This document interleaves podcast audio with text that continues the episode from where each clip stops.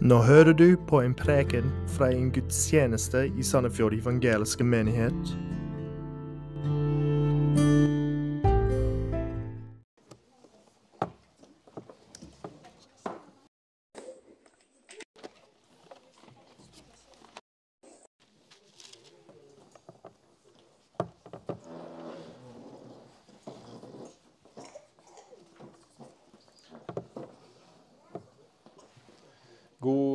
Søndag formiddag. Kjekt å se dere.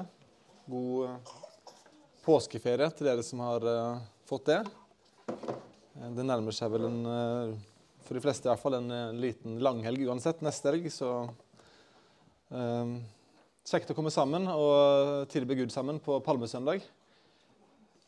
Vi skal lese palmesøndagsteksten fra Markusevangeliet i dag. Dere har fått den i barnebibelversjon, eh, og den er i flere av evangeliene. Vi leser den fra Markus 11, og vi leser eh, innledningsvis fra Markus 11, 1 til og med 11. Og det står eh, følgende. Da de nærmet seg Jerusalem og kom til Betfage og Betania ved Oljeberget, sendte han to av sine disipler av sted og sa til dem.: Gå bort til den landsbyen som ligger like foran dere. Straks dere kommer inn i den, skal dere finne en fole som står bundet. En som ennå ikke noe menneske har sittet på. Løs den og før den hit. Og dersom noen sier til dere, hvorfor gjør dere dette? Da skal dere si, Herren har bruk for den. Og han sender den straks tilbake hit. De gikk da av sted og fant folen bundet ved en dør ut mot gaten, og de løste den. Noen av dem som sto der, sa da til dem, Hva er det dere gjør? Løser dere folen? Men de svarte dem slik Jesus hadde sagt, og de lot dem få den. Så førte de folen til Jesus. De la klærne sine på den, og han satte seg på den. Mange bredte ut klærne sine på veien. Andre strødde løvgrener som de hogg på markene. Og de som gikk foran, og de som fulgte etter, ropte, Hosianna, velsignet være Han som kommer i Herrens navn. Velsignet være vår far Davids rike som kommer. Hosianna i det høyeste. Og han gikk inn i Jerusalem, inn i tempelet.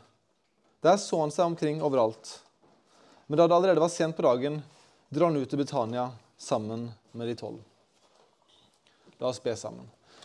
God himmelske Far, vi takker deg for ditt ord, og at vi får lov til å studere det og forsyne det og høre det opplest eh, også i dag.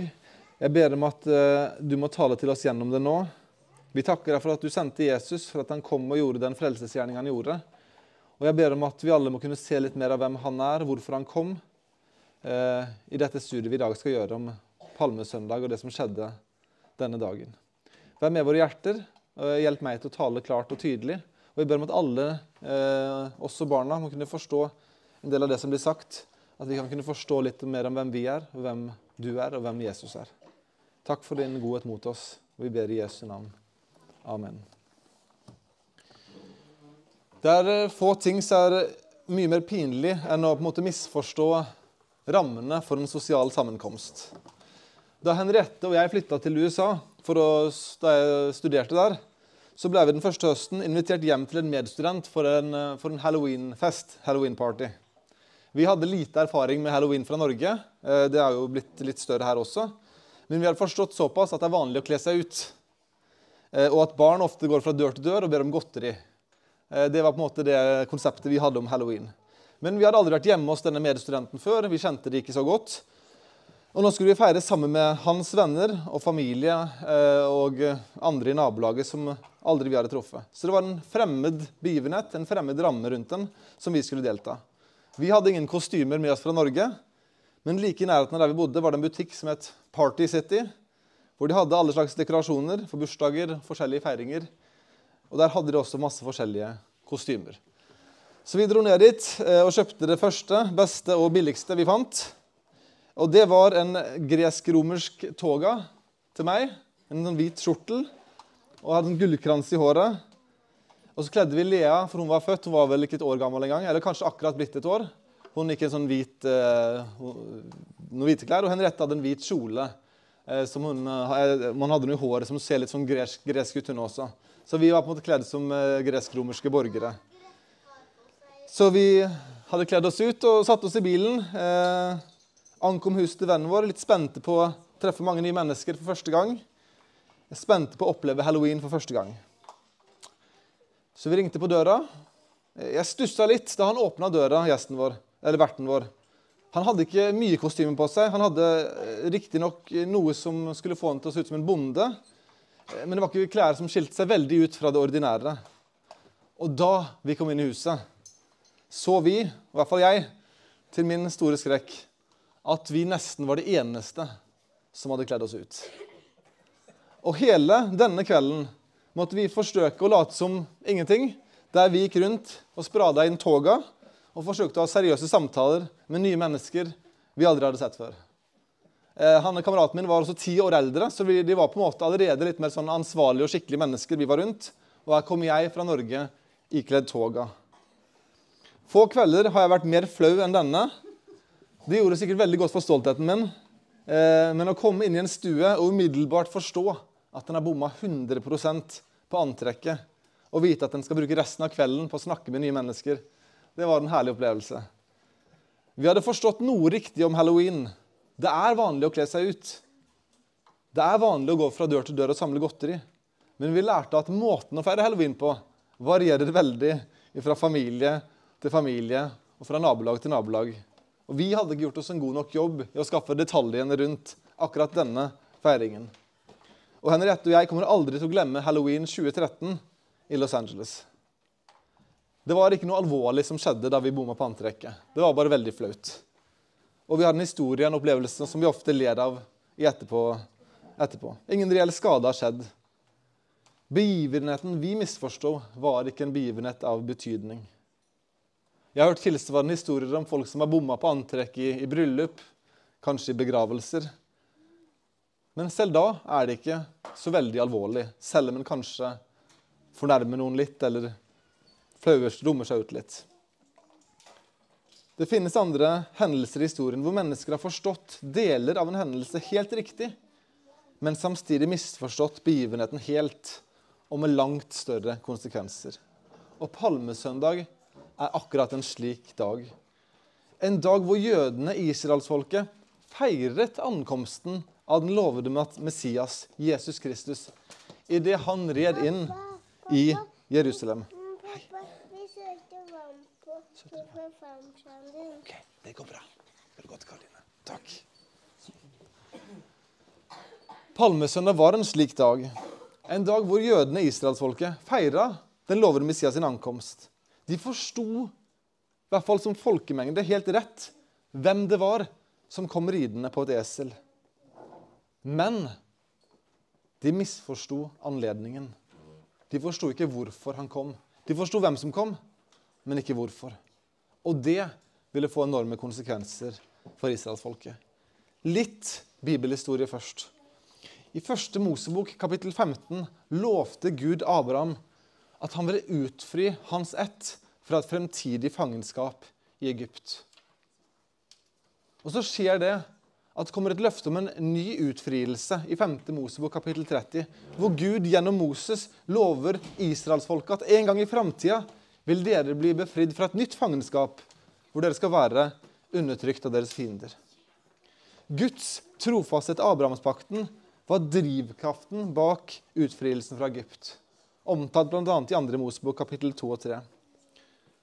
Og I henhold til 3. Mosebok kapittel 26 så er det akkurat den samme trofastheten til Abrahamspakten som er drivkraften bak en fremtidig utfrielse fra et fangenskap.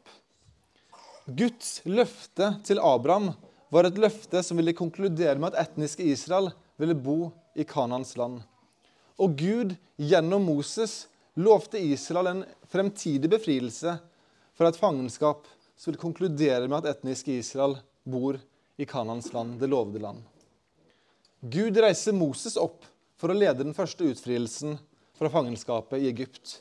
Og I 5. Mosebok kapittel 18 så er en av de messianske tekstene fra Toraen lover Gud at han vil oppreise en annen profet, som Moses, for å utfri dem fra det fremtidige fangenskapet. Gud lovte Abraham i 1. Mosebok kapittel 15 at den første utfrielsen fra fangenskapet vil etterfølge en periode med stor undertrykkelse. Og det vet vi at det var i Egypt. Og I 5. Mosebok kapittel 30 lover Gud israelsfolket at den andre utfrielsen fra fangenskapet også vil etterfølge en periode med stor undertrykkelse. Men det er én forskjell. Den fremtidige, den andre utfrielsen, vil også etterfølge at Gud har gitt israelsfolket sann omvendelse og nye hjerter. Det står i Herren din Gud skal omskjære ditt hjerte og dine etterkommeres hjerte, så du elsker Herren din Gud av hele ditt hjerte og av hele din sjel. Da skal du få leve. Palmesøndag er historien om hvordan Gud begynte å oppfylle sitt løfte til Abraham ved å sende en profet som Moses, Jesus Kristus, til å utføre sitt folk fra fangenskapet. Men det er samtidig historien om hvordan israelsfolket for en periode nekta å godta de vilkårene som Gud hadde gitt, om at omvendelse og nye hjerter var en forutsetning for at den andre utfrielsen fra fangenskapet skulle kunne skje. Og det er det som utfolder seg i historien som utfolder seg på Palmesøndag. Vi er nå kommet til påskehøytiden, eh, den viktigste høytiden for, eh, for kristne. Eh, og definitivt en av de mest sentrale høytidene også for jødene. Og et frelsesperspektiv så må vi jo si at påskehøytiden er den viktigste historien. Alle de fire evangelistene understreker dette ved at en betydelig del av evangeliene sine blir brukt til å beskrive én uke av Jesus sitt liv. I Markusevangeliet begynner påskeuken i kapittel 11. Så det er altså ti kapitler om Jesu første tre aktive år i tjeneste. Og så er det seks hele kapitler om en enkel uke. Litt til kanskje også etter den siste uken, men mest denne ene uken av Jesu liv. Seks av 16 kapitler. I Johannes-evangeliet er det nesten det samme. Der er det, Når vi går inn i Jesu ypperstepristlige tale osv., så, videre, så er vi nesten bare halvveis i evangeliet. Så mye av evangeliet handler om denne siste uken av Jesu liv. Og Det er også et stort fokus på dette i Matteus og Lukas. Det er i påsken at hele frelseshistorien kulminerer med at Jesus, den lovede Messias, dør på korset. Men ikke bare at han dør, at han står opp igjen på den tredje dag. Det er hjertet av den bibelske fortellingen. Men det som innlemmer påskeuken, er det som skjedde noen dager før Jesus døde på korset. Nemlig det som skjedde på palmesøndag. Det var kanskje palmemandag. Det er litt usikkerhet om det var en søndag eller mandag det skjedde på. Jeg skal ikke gå inn på det, men det skjedde i hvert fall ca. fire-fem dager før Jesus døde på korset. Og Det som skjedde denne dagen, er veldig viktig for oss for å forstå hvordan vi skal kunne tenke om denne aller viktigste påsken, og hvordan vi kan forvente at Jesus kommer igjen i framtida. Teksten begynner med at Jesus og disiplene nærmer seg Jerusalem. De kommer til to landsbyer på veien som heter Betfage og Betania, som lå ved Oljeberget. Jeg vet ikke Når du hører bibelhistorien eller hører om Betania og Betfaga, at det er en by, så tenker vi kanskje at det er en by sånn som at eh, Oslo er en by, og så er Sandefjord en by her, og at det er liksom en god reiseavstand mellom byene. Eh, men Betfaga og Betania er byer som lå bare 2-3 km fra Jerusalem. Så selv om det var landsbyer, så er det ikke mer enn en times gåtur fra det ene stedet til det andre. Eh, generelt så er jo det området i Israel veldig mye mindre enn det vi ofte tenker oss. Det er, det er ganske korte avstander. Eh, og dette var et område, to landsbyer som lå veldig nærme byen Jerusalem egentlig, men som var egne landsbyer. da. Men, men ganske små, egentlig. Jesus hadde begynt vandringen mot Jerusalem. Han hadde fortalt disiplene sine allerede hvorfor de skulle på denne turen. For Det står i slutten av kapittel 10 av Markusevangeliet, i vers 33, at Jesus sier, Se, vi skal dra opp til Jerusalem, og menneskesønnen skal overgis til yppersteprestene og de skriftlærde. De skal dømme han til døden og overgi ham til hedningene. De skal håne ham og spytte på ham, hudstryke ham og slå ham i hjel. Og etter tre dager skal han stå opp veldig detaljert beskrevet hva som nå kommer til å skje. Jesus visste hva som skulle skje. Han fortalte disiplene sine om det. Men det var noe som skjedde. Hver gang Jesus fortalte disiplene sine at han skulle dø, og det skjedde ved et par anledninger at han gjorde det veldig i klartekst, så er det nesten som de tror han tuller. Det, det virker som at han, han mener ikke alvor nå. nå. Nå, snakker han eh, bare for å skremme oss. Det er et eller annet som han han sier ikke det er seriøst. Ingen av de ser ut til å ha fullt ut forstått og akseptert at Jesus, Messias, deres leder, kongenes konge, at han skulle dø. Det var ikke noe de kunne akseptere før de så og hadde erfart at det hadde skjedd. De hadde hørt Jesus si det, de ville ikke tro det, de kunne ikke akseptere det. Jesus var jo Messias, han skulle ikke dø. Jesus hadde forberedt dem, advart dem, til og med sagt han skulle stå opp igjen for å forberede dem på det. Disiplene klarte ikke å gripe det. Og, og Hadde vi lest videre i Markus kapittel 10, så leser vi faktisk at rett etter at Jesus har fortalt dem at jeg skal bli korsfesta, jeg skal dø, så begynner disiplene å krangle om hvem av de som er den største. Hvem av de som skal få sitte ved Jesu høyre og venstre hånd i hans rike. Og så må Jesus igjen si til dem hvorfor han hadde kommet. Menneskesønnen er ikke kommet for å la seg tjene. Han er ikke kommet nå for å bli en, en jordelig konge med masse, masse slaver masse tjenere. Men for selv å tjene og gi sitt liv som løsepenge i mange steder. Jesus kom for å dø for verdens synd. Han var konge, han er konge, og han skal igjen komme som konge for å etablere sitt jordlige rike. Men i hans første komme var hans oppgave å gi sitt liv som en løsepenge for mange. Å bære verdens synd på korset. Og Når vi kommer til teksten om palmesøndag, så er det veldig viktig at vi forstår noe om hva Jesus selv hadde sagt han skulle gjøre, og hva folket, inkludert disiplene, på dette tidspunktet forventa at han skulle gjøre. For det var en ganske stor mismatch mellom hva Jesus selv hadde sagt, og hva de gikk i forventning om. Jesus sender to av disiplene sine til en landsby. Sannsynligvis var det Betfager de sendte de til. De får beskjed om å finne en fole som står bundet. Så spurte barna mine i dag om å det var en fole var. Det er ikke et uttrykk dere bruker så ofte, kanskje. Eh, altså Det er et, et, esel, et ungt esel, et, en eselunge. Det var min måte å beskrive det på. Kanskje det finnes en bedre teknisk beskrivelse. Men et, et eselbarn som likevel ikke er så lite at uh, det ikke kan uh, Det er sterkt, men det er ikke fullvoksent. De får beskjed om å finne en fole som er bundet, og som ikke noe menneske hadde sittet på. De skulle løse det og ta med til Jesus. Hvis noen sa til dem 'Hvorfor gjør dere dette?', skulle de si 'Herren har bruk for den', og sende han straks tilbake dit. Og Det skjer som Jesus sier. Disiplene går av sted. De finner folen bundet. Et ungt esel, sterkt nok til å bære en person, ikke fullmodent ennå. Et esel som ikke hadde blitt brukt til noe arbeid. Og Så står det i spørsmålet 'Hvorfor tar dere folen?' Og de svarer 'Herren har bruk for dem'. Eh, og Det er faktisk sannsynlig at de som eide folen, var kanskje en del av Jesu etterfølgere, Jesu disipler. Ikke blant de tolv, men hans utvidede flokk. Og Når disiplene svarte at Herren har bruk for dem, så tenkte de nok ikke primært på, på måte, Gud i, i himmelen, men, men, de tenkte nok konkret på Jesus, mesteren, eh, som de anerkjente som herre og mester. i hvert fall mange av de gjorde. Så når de sier at Herren trenger den, så, så var det nok tanken om at ja, Jesus, han trenger det. Og, og for dem, for Jesu disipler, var det nok en ære at Jesus ville låne eselfolen fra dem. Og han lovte uansett å sende den tilbake. Så, så det var jo ikke noe, sånn sett, noe tap for de heller. Så er spørsmålet hvorfor en eselfole? Eh, det er en barnesang vi sang mye da jeg var liten. Jeg vet ikke om den synges ennå, som, som, går noe sånn som det her. Jeg skal ikke synge den, jeg får lese opp teksten, så kan, kanskje vi kan synge den sammen seinere. Hvorfor valgte du en eselfole Jesus? Du kunne i det minste valgt en hest. Du gjorde deg så ussel og så liten da folkemengden ville lage fest.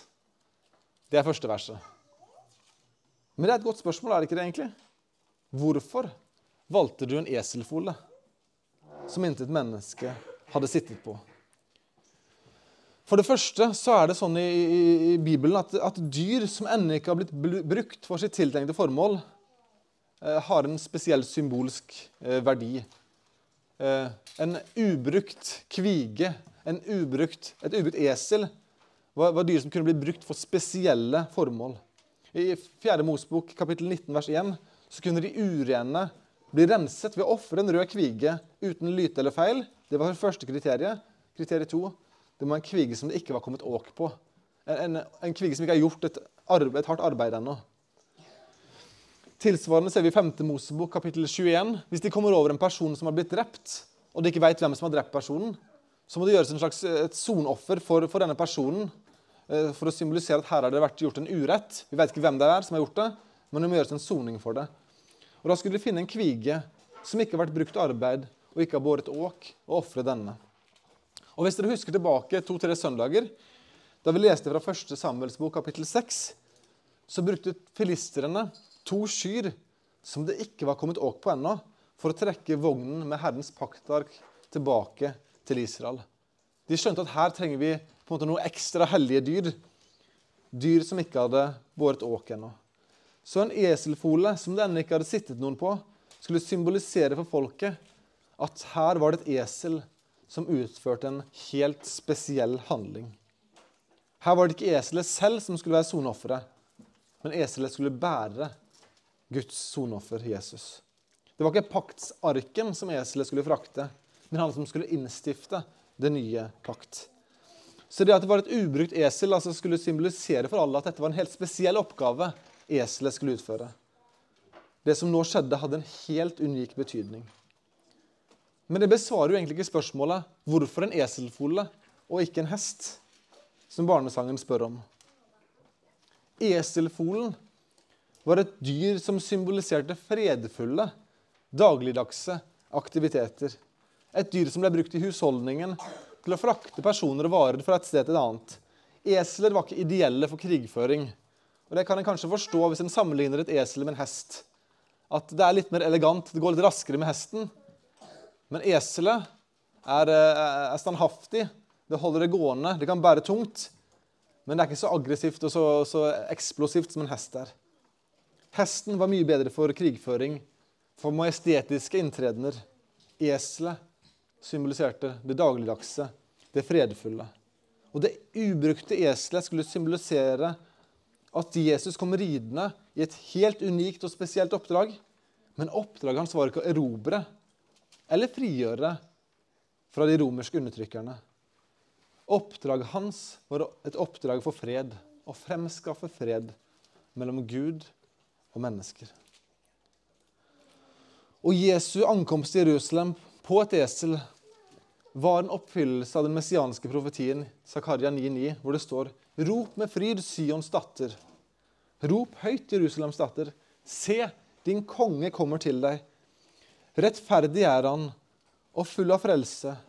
Ydmyk er han og rir på et esel, den unge eselfolen. Jesus ankom Jerusalem som konge, absolutt som konge. Liksom David og Salomo kom han ridende til sin kroning. De kom på et muldyr, Jesus kom på et esel. Men Jesus kom ikke som den politiske krigeren som jødene ønsket og ville ha på denne tiden, som sin Messias. Han ankom ikke som en krigende hersker, men som Herren Jesus, Messias, den lidende tjener. Han ankom som Messias, og folket oppfattet han som Messias. De forsto at det her var Messias som kom men de misforstod oppdraget hans helt fullt.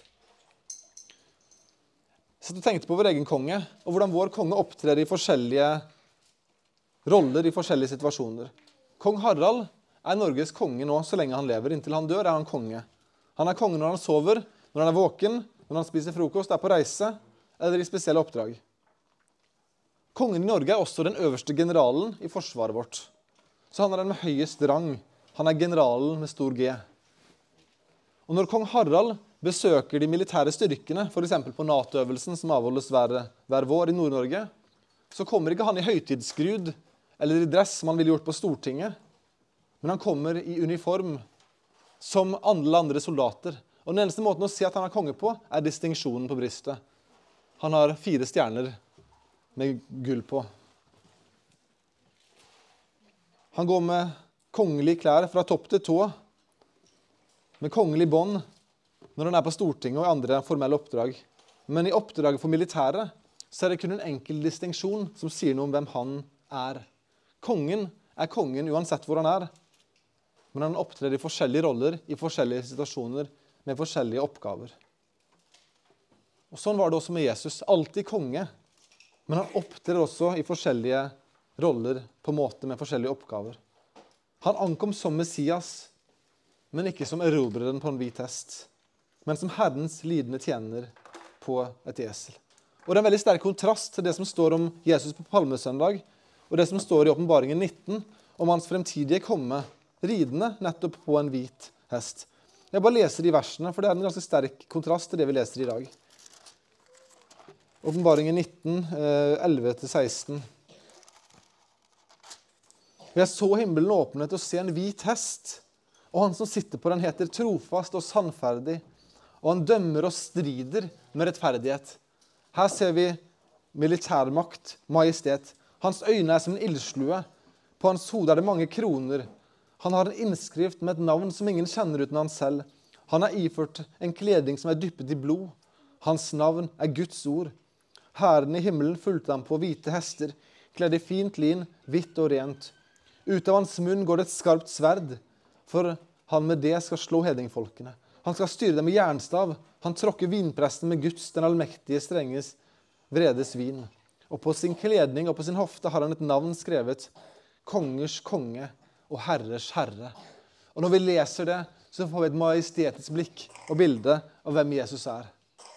Det er den samme personen som kommer ridende inn nå i Jerusalem på et esel. Men oppdraget hans er et litt annet. Han kom ridende inn for 2000 år siden på et esel. Hvordan reagerte folket? Først så leser vi at disiplene la klærne sine oppå eselfolen. Den hadde ingen sadel. Så de brukte skjortene sine som en slags provisorisk sadel som man kunne ri på. Og så står det at mange av folket brettet klærne sine og la dem ned på veien, noe som var en gammel skikk for å møte en ny konge velkommen. Eh, det var bl.a. sånn de hilste Jehu velkommen han ble konge. Og Andre stødde løvgreiner, palmegreiner, som de hogg på markene og la de ned for han, for å anerkjenne at kongen er på vei inn. Det var to grupper som kom. Det var noen som fulgte med han, og så var det noen som kom fra byen og møtte han.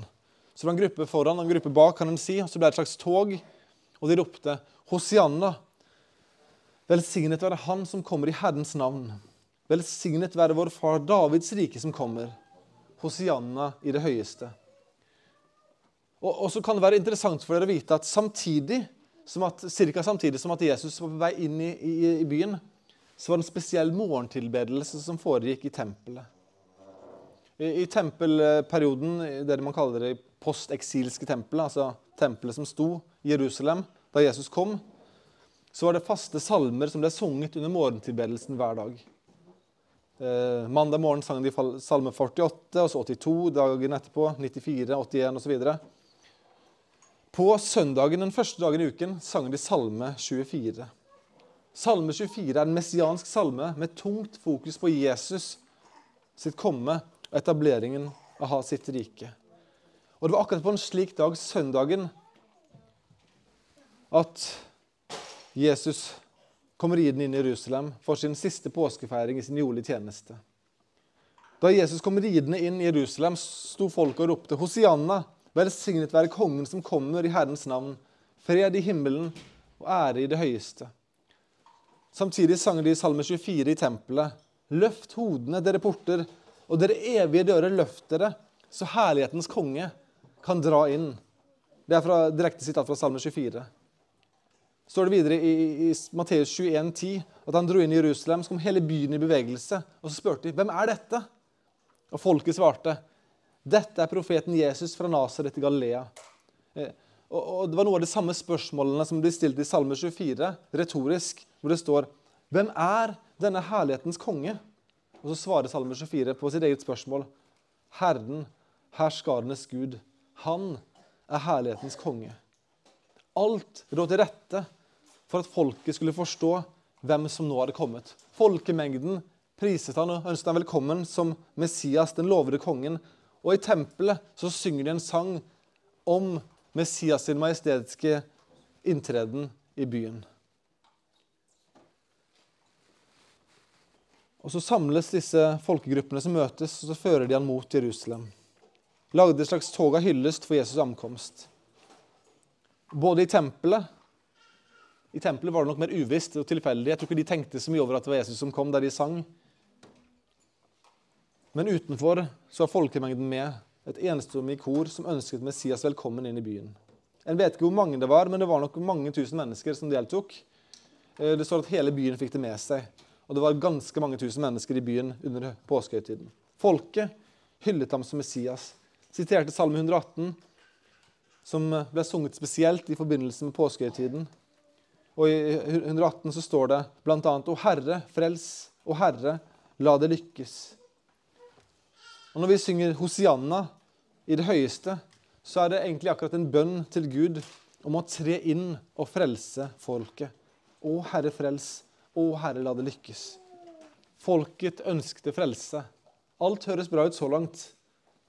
Men hva ønsket folket frelse fra? Og det var her det gikk virkelig gærent. De misforsto to ting. Først så forsto de noe rett. De forsto at det var Messias som kom. Men så misforsto de først Jesus, Messias, sin oppgave. Og så misforsto de sitt eget største behov. De trodde at deres største problem var at romerne hadde okkupert dem, at de var undertrykte. Det var det store problemet som israelsfolket så. Og de tenkte at Messias nå kom for å fikse deres største problem. Det hadde de rett i, at han kom for å fikse deres største problem. Men de forsto ikke hva deres største problem var. Okkupasjonen fra romerne var ikke det problemet. Det var et symptom på problemet.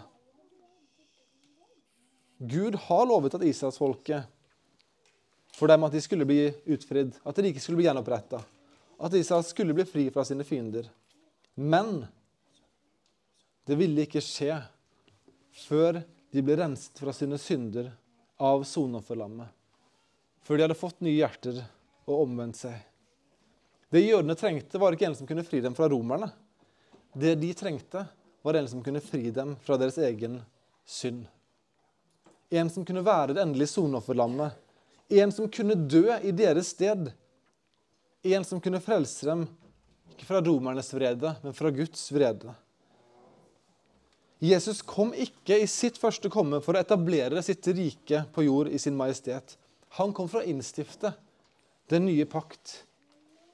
Vi kan lese om det fra Jeremia 31, som, som på, måte, på, mange måter har ekko fra, fra 5. Mosebok kapittel 30. Se, dager kommer, sier Herren, da jeg vil opprette en ny pakt med Israels hus og med Judas hus. Den skal ikke være som den pakt jeg opprettet, men deres fedre på den dag jeg tok dem ved hånden og førte dem ut av landet Egypt. Det er en pakt med meg som de brøt, enda jeg var deres ektemann, sier Herren.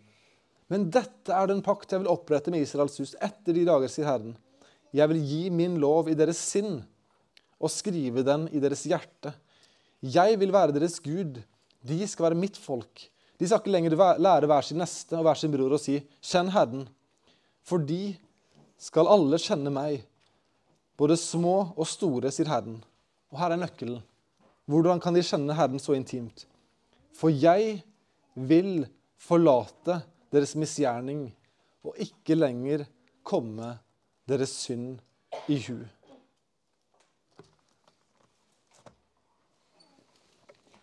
Jesus kom for å oppfylle det som var lovet av profetene om innstiftelsen av den nye pakt. Om oppfyllelsen av løftene om Herrens lidende tjener som skulle komme og dø for sitt eget folk, så de kunne bli forsont med Gud.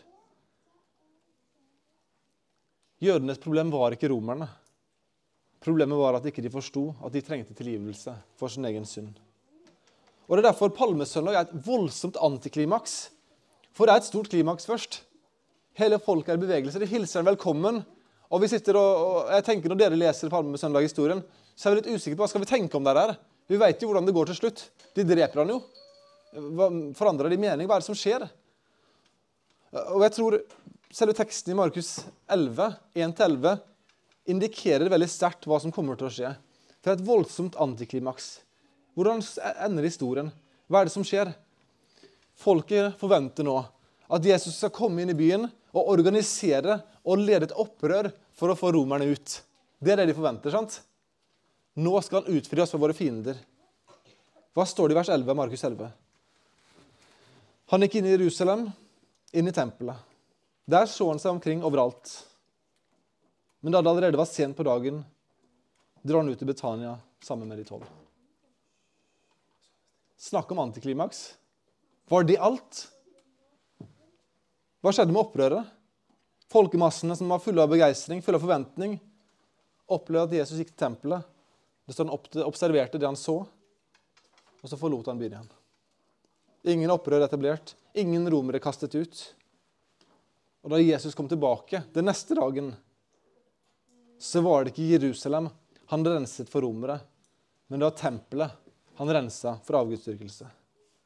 Og veldig mange av de samme menneskene som ropte Hosianna, velsignet være Han som kommer i Herrens navn, på palmesøndag, vil bare noen få dager senere rope 'korsfest', 'korsfest', idet de selv overtalte romerne til å korsfeste Jesus, den lovede Messias, som de hadde venta på.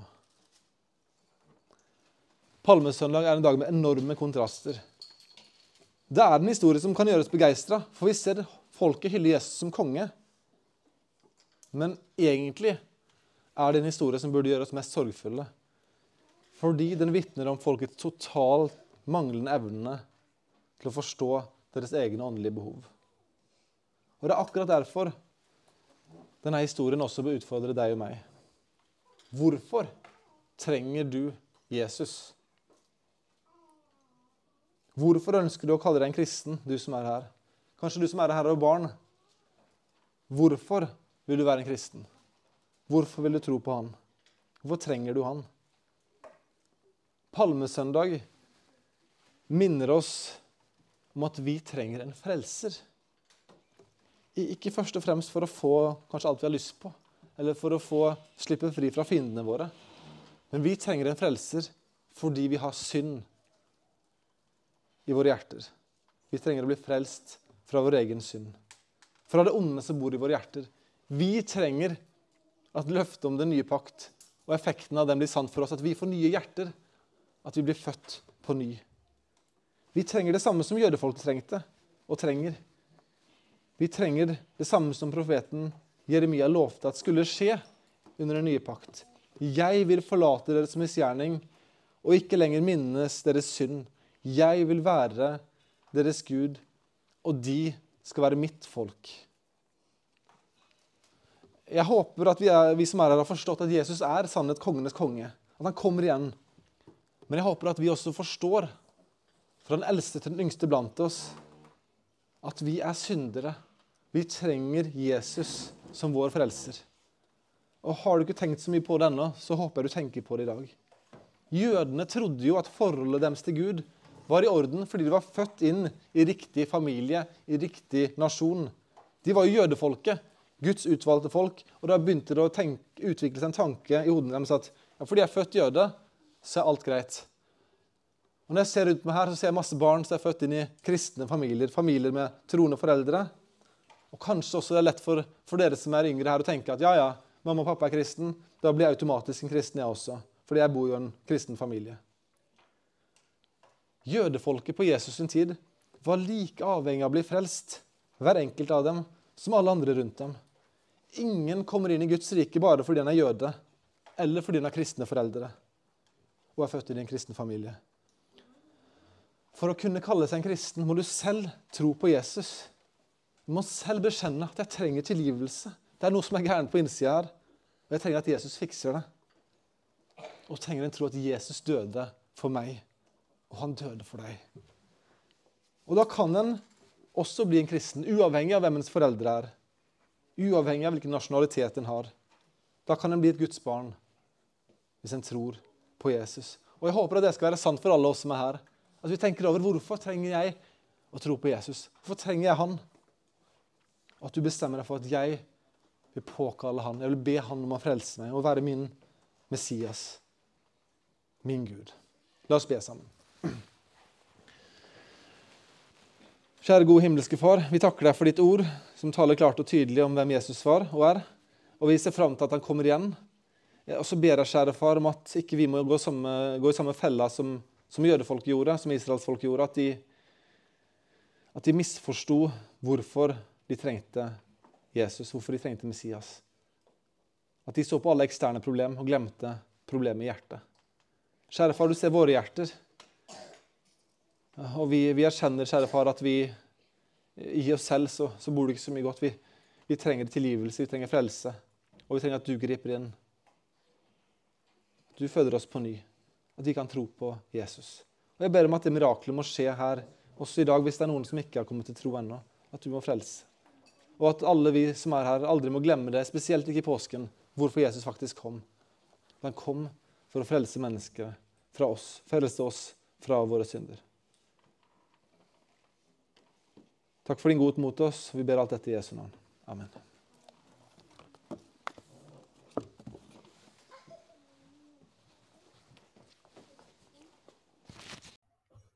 Takk for at du hørte på denne prekenen.